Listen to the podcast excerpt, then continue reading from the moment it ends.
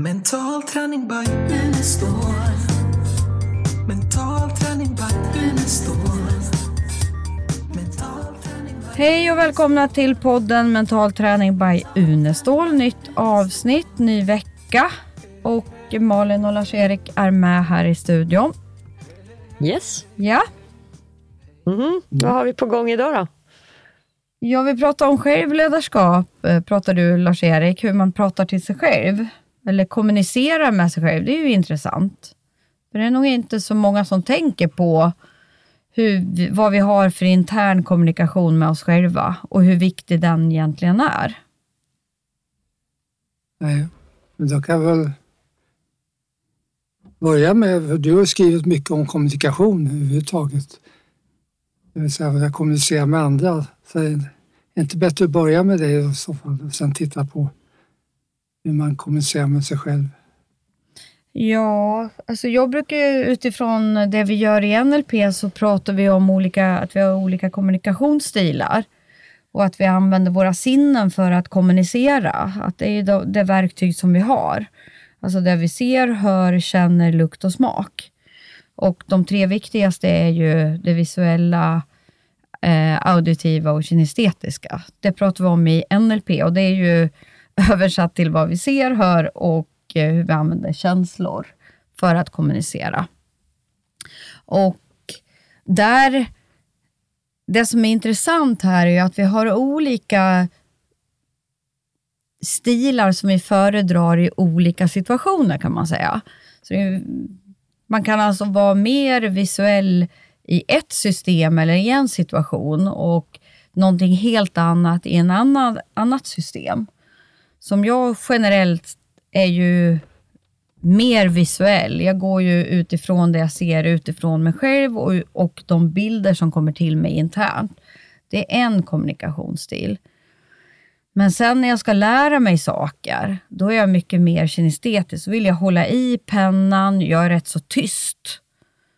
Och om man gör generaliseringar hur vi använder kroppen och rösten och andningen, eh, så finns det en generalisering som stämmer ungefär till 80-20-regeln ungefär, till 80 procent. Och den generaliseringen låter så här, att om man föredrar det visuella systemet, då andas man väldigt fort och snabbt och vevar och gestikulerar med kroppen. Man vevar mycket med armarna, man eh, tittar väldigt mycket, ofta uppåt för att hämta bilder. Och eh, ofta så hoppar man över kommunikation för att det kom, går så fort in i huvudet. Då, så att eh, jag hinner inte berätta alla bilder. Så därför blir det rätt så ofta att en visuell person blir ofta missförstådd för att man, man säger inte allt. Man hoppar över informationssjok med jämna mellanrum. Så därför är det lätt att missförstå en person som är mer, använder det visuella. Och använder man mer eh, hörseln så finns det en generalisering att man andas mer med eh, mellangärdet, man andas långsammare, pratar långsammare, eh, sitter rätt så still, sitter ofta med huvudet lite på sned och ofta så eh, rör man kroppen. Man gungar eller slår med en penna eller det är liksom en liten rörelse med kroppen.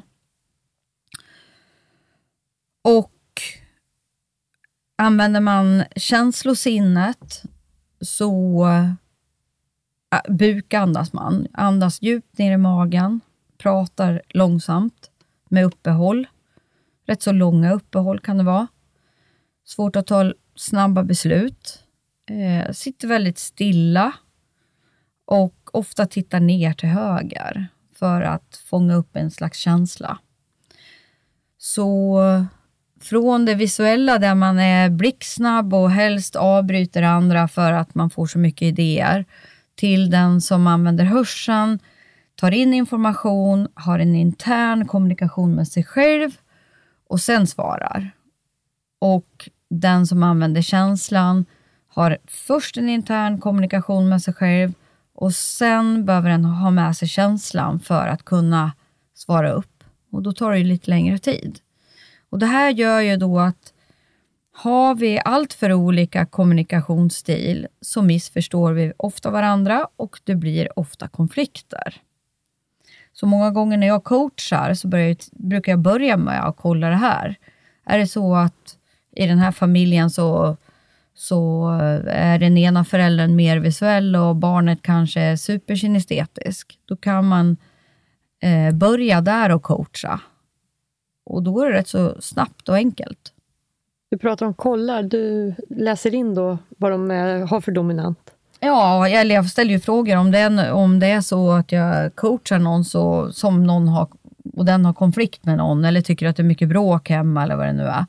Då brukar jag ju ställa rätt så mycket frågor. Jag har även gjort en, en test som man kan göra för att se vilket av de här systemen som man föredrar. Som kan vara bra att göra också. Spännande. Så det här är liksom grundkittet i... Sen är det ju, det är ju rätt så komplicerat när vi ska kommunicera egentligen. Alltså vi har ju filter i hjärnan som, som dels allt som vi har varit med om, vår uppväxt, religion, Eh, ja, vad, vi, vad vi har i vår ryggsäck. Och sen har vi filter som generaliserar, förvränger och utelämnar. Och på det så har vi olika kommunikationsfilter. Eh, alltså mönster. Det finns cirka 20-21 stycken olika eh, metamönster som vi kallar det. Om man sorterar till eller ifrån eller halvfullt eller tomt och så här. Mm. Och orden är, av kommunikation, det är 7 egentligen av, ja, av helheten. 38. Ungefär så. Precis, så, det, så det, det, är mycket annat. Och, och, man tror att orden är så viktigt, man väger dem så. Typ 7% ord, typ en 38-40% tonläge, röst, Mm. Och sen så, resten kropps och gester. Ja. Visst. Eh, jag brukar fråga när jag har kurs i Norge, ber dem säga jag är deprimerad. Mm. Jag är deprimerat. Mm. Och det låter för oss svenskar inte deprimerat när man säger det eftersom det är ett tonspråk som går uppåt. Mm. Så att eh, för oss eh, en norrman, en, norrman skulle inte reagera på det, men vi reagerar för att det stämmer det inte med, som med vårt. Ja. Eh, men det är spännande det du säger, ja. för att det, det, är siffror som man ofta, ofta hör. Jag hörde det senast för några veckor sedan. Det här med procentuella och vad, vikten av orden. Mm. Så det är jättespännande. Det viktigaste är ju hur man säger det. Mm. Jag jobbar ju när det gäller kommunikation lite mera med eh, jag kallar kommunikationens D1, 2, 3. D1, D2, D3. Där D1 är debatt och D3 är dialog och D2 är, är diskussion. Och tittar man på effekten av, av de här tre så kan man ju säga att går man in i en debatt så slutar det ofta med att man är ännu mer oense än när man började. Därför att man lyssnar inte på den andra, vad han egentligen menar, utan man frågar sig alltid, vad har jag att säga emot det? Medan en dialog så försöker man förstå den andra, gå in i den skor, sätta sig in i den andra situation. Och det leder ju ofta till en antingen kompromiss eller till att man kan eh, enas. Och eh, diskussion kan gå åt det ena eller andra hållet. Så sättet att kommunicera är ju viktigt utifrån det då. Vad man har för hur man vill föra ut sitt budskap. Vill man ha den effekten att de andra tar till sig det? Eller vill man bara förstärka de få som håller med mig? Eh, då är ju debatten någonting som... Men annars är ju dialogen det är den vi behöver jobba mycket med och få in i, i kommunikationen. Sen att också eh, fundera på vad, vad syftet med kommunikation är. Det brukar du ta upp, Helene. Vad är syftet med kommunikation? Ja, jo, det är bra att veta. Det är ju, har man inget syfte kan man lika gärna vara tyst. Ja. Finns det ingenting man känner att det här finns inga resultat att få eller jag har inga resultat med, då kan man lika gärna vara tyst. Ja.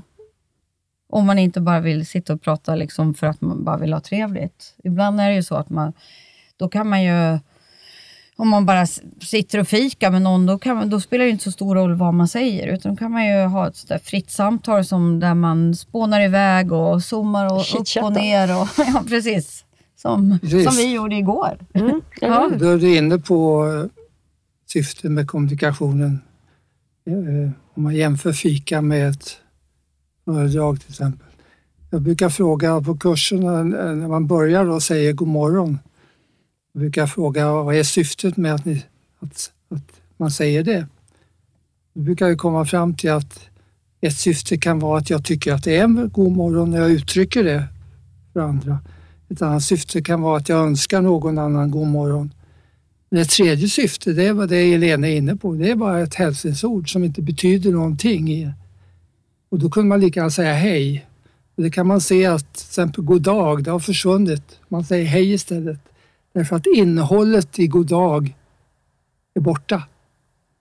Och för många är innehållet i god morgon borta. Man säger bara det som ett hälsningsord. Och då blir det ju som i eh, slags fika. Det är mer att man har trevligt tillsammans. Det viktiga blir inte vad, vad man säger egentligen. Det, det kan ju vara väldigt olika syften då med varför man säger någonting.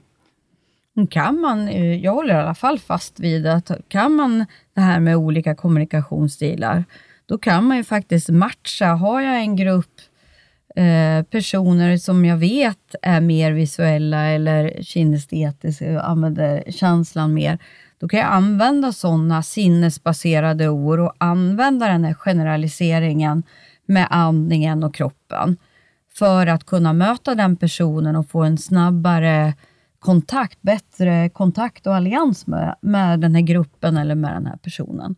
Jag tycker att det funkar fantastiskt bra.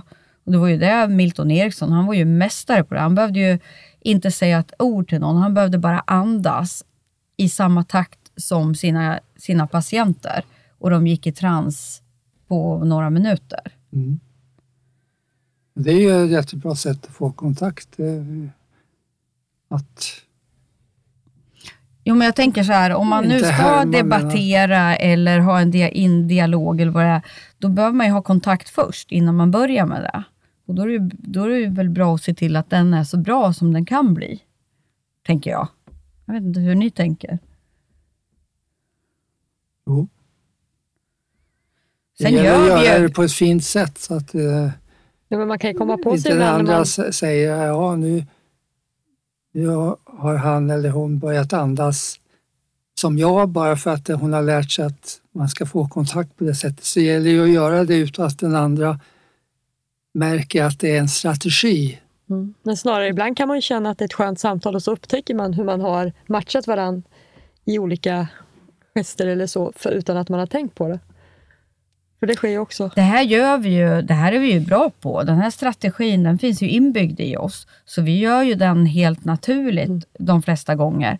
Utan det är ju när man möter någon där, vi, där man märker att vi är inte på samma våglängd. Och då blir det det här att prata med bönders på bönders vis. För det där kan man känna i telefon ibland när man pratar med någon när man är för påskäll och väldigt energisk och de är väldigt lugna. Mm. Att man får nästan hålla andan och liksom vänta in, för man är i ett helt annat tempo. Mm. En del brukar ju fråga mig så här, ja men tänk om det är någon som, är, som kommer till dig och så är superstressad och har haft en dålig dag eller dålig morgon eller någonting med parkeringsböter och allt vad De kommer in och är småarga. Ja, men ska du matcha den då? Ja, säger jag då. Då är det ingen idé att säga till den att Åh, lugna ner dig, sätt dig ner och så börjar med någon slags djupandning, det brukar liksom förvärra saken. Utan då är det faktiskt bättre att prata snabbare och bekräfta vad man hör och faktiskt säga, ja, jag fick också böter, vilket jag fick också. Jag fick faktiskt böter när jag var i Stockholm nu i veckan. Mm. Eh, men jag bara stoppade in dem i bilen och satt mig lugnt och stilla. Men då är det bättre faktiskt att matcha den personen genom att prata snabbare och bekräfta. Och sen lugna ner, då börjar den andra personen följa. Mm. Det bygger mycket på att ska man leda någon så måste man utgå från samma utgångspunkt. Och eh, att eh, när du börjar på det sättet så kommer du att ändra och bli långsammare och långsammare för att få den andra att lugna ner sig. Mm. Att du utgår från hans eller hennes utgångspunkt och sen leder du dig in i ett lugnare tillstånd. Men när jag jobbade där på Folktandvården gjorde jag precis tvärtom i början innan jag kunde det här.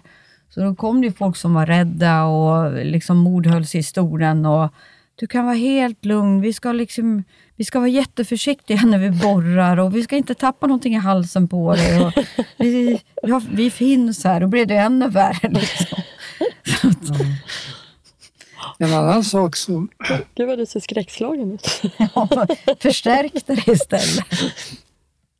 är ju till exempel hur mycket man pratar. Jag brukar också på kurserna fråga de kvinnliga deltagarna, har ni varit på någon dejt där killen mest pratar om sig själv? Det har de flesta varit. Och eh, jag frågar, har det blivit något mer än en dejt? Nej, det blev bara en dejt. Så här är ju också en sak som eh, är väldigt intressant när det gäller kommunikation och det är att en av de viktigaste sakerna i kommunikation är inte vad man säger eller hur man säger det utan hur man lyssnar till vad andra säger. Lyssnandet är, eh, är ett oerhört viktigt del och som är så försummat. Eh, många räknar lyssnande som en av de viktigaste, ja, som den viktigaste coaching-egenskapen och en av de viktigaste egenskaperna hos en människa eh, att kunna lyssna på andra. Man har sett att lyssnandet i sig är så viktigt oavsett vem det är som lyssnar. Efter tsunamin så kunde man se att det var, spelade inte så stor roll om man hade en psykolog som lyssnade eller om man hade en granne som lyssnade. Lyssnandet var, var det viktigaste. Eh, och det är ju en sak som eh, lyssna är någonting som man får lära sig i coaching. Vi har ju ett, flera timmar där man får jobba med övningar och i lyssnandet. Och jag brukar säga då om det är den viktigaste, en av de viktigaste egenskaperna. Man säger ofta att lyssnande är en av de mest uppskattade egenskaperna hos en människa.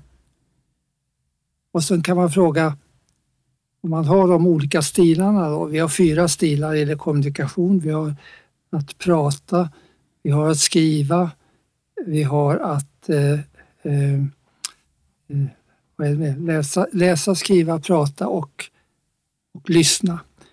Och då brukar jag fråga hur, hur många procent tror ni att man använder under en dag? Och lyssnande brukar vara den minsta procenten. I verkligheten är lyssnande den högsta procenten, ofta över 50 procent. Men trots att man i skolan då får lära sig att läsa, skriva, räkna, prata, så har man inte en enda lektion i skolan om att lära sig lyssna. Och det är ju, det är ju förödande med tanke på att det är så viktigt att man har människor som har lärt sig lyssna. Men det, det borde komma in i skolan också. Men det tycker jag man upplever när man coachar folk, att de säger det är så skönt liksom att få, få det här lyssna, att någon lyssnar verkligen på, och man får liksom sätta ord på saker och ting. Mm. Och att man lyssnar på rätt sätt, ungefär som barnets nyfikenhet, där man verkligen är intresserad av vad den andra säger. Mm. Att man inte har det vanliga hörandet bara som... när det gäller coaching så är det ju viktigt att du lyssnar efter viktiga saker, inte lyssnar för att du ska referera till dig själv. För det är ju det vanligaste i början på coaching, att, att vi vill referera och förstå utifrån min, min, min, min uppfattning. Och det är ju inte så intressant, liksom, för att egentligen ska vi ju lyssna vad är det klienten säger och vad är det den inte säger, eller vad är det den säger mellan raderna. Mm. Det är egentligen det som är intressant. Och även kroppsspråk där, som du säger, man kan ju se. Liksom. Ja, ja, man kan ju se ju på kroppsspråket och tonläge och hela... Det är den högsta formen av lyssnande i coaching, mm. men man, och den kan man inte lära ut, utan den kommer så småningom. Mm. Utan det vi försöker lära ut är ju att man lyssnar med nyfikenhet och utan att eh, värdera och utan att bedöma. Mm. Och utan att ta, eh, ta referera till sig själv som är väldigt vanligt. Och sen man lägger in lite... det jag menar med orden i, vad den andra säger. Sen tror jag också i början där med prestationsångest att man ska ställa så bra frågor så man liksom nästan sitter och funderar mer på frågorna än att mm. lyssna på den de coachar. Ja. Det kan jag uppleva i början, man skulle vara så duktig och ställa riktigt bra frågor. Ja. Och så tänker man inte på de frågorna. Då har man inte hört vad Nej, klienten och de bra frågorna kommer och sa. Mm. Precis, men det, det, är precis, det kan man känna igen sig. Eller var, man, jag känner igen mig. Eh, mm. kommunikation är ett jättestort område. Det var ju en sak som var populär för 20-30 år sedan. Det var rak kommunikation. Det hör man sällan talas om längre, men eh, eh, kommer ni ihåg vad det stod för då? Nej, jag vet inte. Nej, det var ungefär att man ska säga vad man tycker. Var för ärlig alltså? nej, alltså, eh, det har, man har ju börjat med förstått att det måste ha ett syfte det jag säger. Mm. Att jag ska inte säga vad jag tycker om det inte har ett syfte. Har det syfte att göra någon ledsen, varför ska jag säga det då? Har det syftet att eh, eh, har det ett bra syfte, då, då är det viktigt. Det är mer att gå från det till vad som är bra och inte bra. Ja, eller bättre eller sämre. Och ibland får man ju göra sådana avvägningar att även om någon skulle bli arg eller ledsen eller visa, det är inte farligt med känslor.